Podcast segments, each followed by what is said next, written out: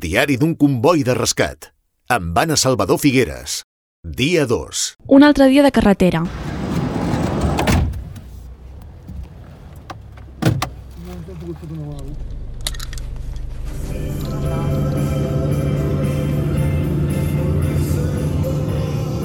Durant la primera part del trajecte, el comboi de sis furgonetes vam sortir des de la Bisbal i vam arribar a Karlsruhe, Alemanya.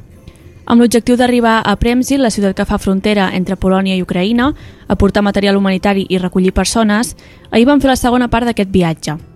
Vam sortir de l'hotel de Karlsruhe a les 7 del matí. Ens vam posar en marxa a més de 1.000 quilòmetres per davant, ja que havíem d'arribar a Ganslowka, que és una ciutat polonesa que està a una hora en cotxe de Premzil. Bàsicament ens vam passar el dia conduint amb les típiques pauses d'esmorzar, dinar i mitja tarda. Tot i això, és cert que a l'haver d'estar quiet durant tantes hores i sense gaires distraccions, observes molt més el que tens al voltant. Durant el matí vam observar els paisatges de grans camps alemanys a mesura que acabàvem de creuar el país. També vam veure com s'acabaven un cop vam arribar a la frontera amb Polònia. De seguida que vam canviar de país vam trobar-nos amb les primeres retencions, que ens acompanyarien també al llarg de la tarda. Polònia és un país on els accidents de trànsit i les obres de les carreteres són freqüents i això ens va fer perdre bastant temps ja que hi havia moltes cues. Si bé a primera hora del matí teníem previst arribar cap a les 8 o 9 del vespre, vam arribar al destí cap a les 11 de la nit. Vam poder observar també que el paisatge de Polònia és bastant curiós i autèntic, almenys en el petit fragment de país que vam poder veure. En una de les desviacions que vam agafar per esquivar un accident de trànsit, vam passar per diferents poblets. Tot i estar bastant aïllats uns dels altres, tots s'assemblaven i tenien coses en comú.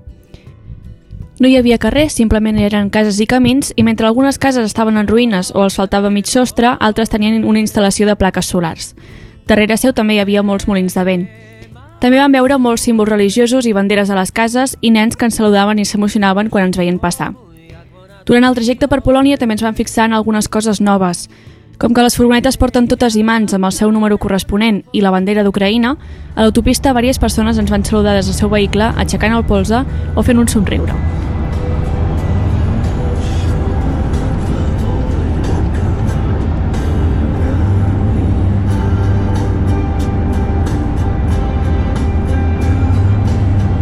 Com sabeu, el comboi està format per una quinzena de voluntaris de diferents entitats. Alguns d'ells ja van fer el viatge fa dues setmanes i l'estan repetint. Altres el fan per primer cop. En una de les pauses del dia vam aprofitar per preguntar a alguns d'ells què els havia empès a fer aquest viatge. Jo el primer viatge va ser impulsiu, o sigui, que hi hagi aquesta guerra i hi hagi tanta gent afectada, realment som bombers, ho portem a la sang, o sigui, la solidaritat en, en surt pels poros de la pell. Oh, en Maret me va explicar la seva història de fa 15 dies que no havia vingut, jo ja em va quedar la primera vegada allò de venir i ara vaig dir, deixa'm preguntar-ho a casa i si me donen permís, vinc. Vaig mirar la feina amb la meva germana, em van dir que sí i vaig parlar amb la dona i dic, va, tira milles. I jo, bueno, jo volia portar el meu granet de sorra, vaig, vaig saber que, que feu que veníeu cap aquí. A més, a mesura que avançàvem i veiem com ens acostàvem a la frontera, la realitat de l'endemà cada vegada era més present. I és que el tercer dia de viatge, el dissabte 26 de març, és un dels més intensos. Hi ha dos objectius. Al matí, primera hora, anar a, bueno, anar a descarregar i recollir la gent. Com ha explicat un dels voluntaris de la penya blaugrana, avui a primera hora anirem a deixar el material solidari que es va recollir a Catalunya. Ho deixarem en un magatzem que ens ha indicat la persona de contacte, que acabarà de portar tot dins d'Ucraïna. Aquesta és una tasca que només poden fer les dones i els homes jubilats, ja que la resta d'homes representa que han de lluitar pel país. Un cop deixat el material, tindrem les furgonetes buides. Les tornarem a emplenar, si tot va bé, tot i que aquest cop de persones. Algunes són persones amb qui les entitats ja han pogut contactar i quedar amb elles per passar-les a recollir. Moltes altres, però, seran persones que haurem de buscar demà mateix. A la ciutat de Premzil hi ha, de fet, el centre comercial convertit en un centre de refugiats. Allà hi arriben milers de persones cada dia que volen fugir d'Ucraïna. Pel que sabem, però, aquest és un procés que pot ser complicat perquè no sabem del cert quina és la situació actual d'aquest centre. Pel que sí que sabem, i s'ha publicat en alguns mitjans, hi ha hagut un brot important de Covid, a part d'altres problemes de salut pública. De fet, dijous passat el centre va haver d'estar 12 hores en quarantena per desinfectar-se després de diferents casos de diarrea i vòmits. A part d'això, també s'està veient que la majoria de refugiats que tenen recursos o familiars en altres països d'Europa ja han pogut marxar del país. Ara, en gran part, hi ha persones que no tenen gaire recursos ni vincles que els puguin acollir en altres llocs. És per això que ara no només s'ha de buscar un transport per a aquestes persones, sinó que també s'ha de buscar una casa d'acollida que els pugui donar un lloc on viure de forma indefinida. Tot plegat pot complicar aquesta situació, o almenys, com expliquen els voluntaris, fa, que hi hagi molts dubtes i incertesa sobre el que ens podem trobar. De moment, content, ara començo a estar nerviós per demà què trobarem.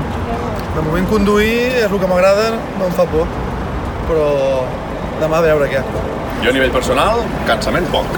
Em motiva tant el projecte que no és el cansament, el cansament me'l guardo per casa. Però amb molt de respecte. I ara ho tenim més lligat el tema de buscar refugiats perquè ha canviat la situació. Ja portem molts papers fets i aquest cop serà diferent, perquè el primer cop va ser unes 7 hores buscant gent, perquè la gent només volia ser transportada, no volia ser acollida, i aquest cop sembla que ho portem més bé. Així, amb aquestes expectatives i preguntes sense resposta, però també amb moltes ganes de seguir, acabàvem el segon dia del viatge del comboi. Al llarg d'avui veurem en primera persona quina és la situació a Premsil. Ens espera un dia dur, segur, però també es gratificant, esperem. Us explicarem tot demà al matí amb la crònica completa de la tercera jornada. A més, avui ens podeu seguir a través de les xarxes socials de Ràdio Capital amb publicacions i vídeos en directe. Gràcies per escoltar-nos i acompanyar-nos. Una producció de Ràdio Capital de l'Empordà.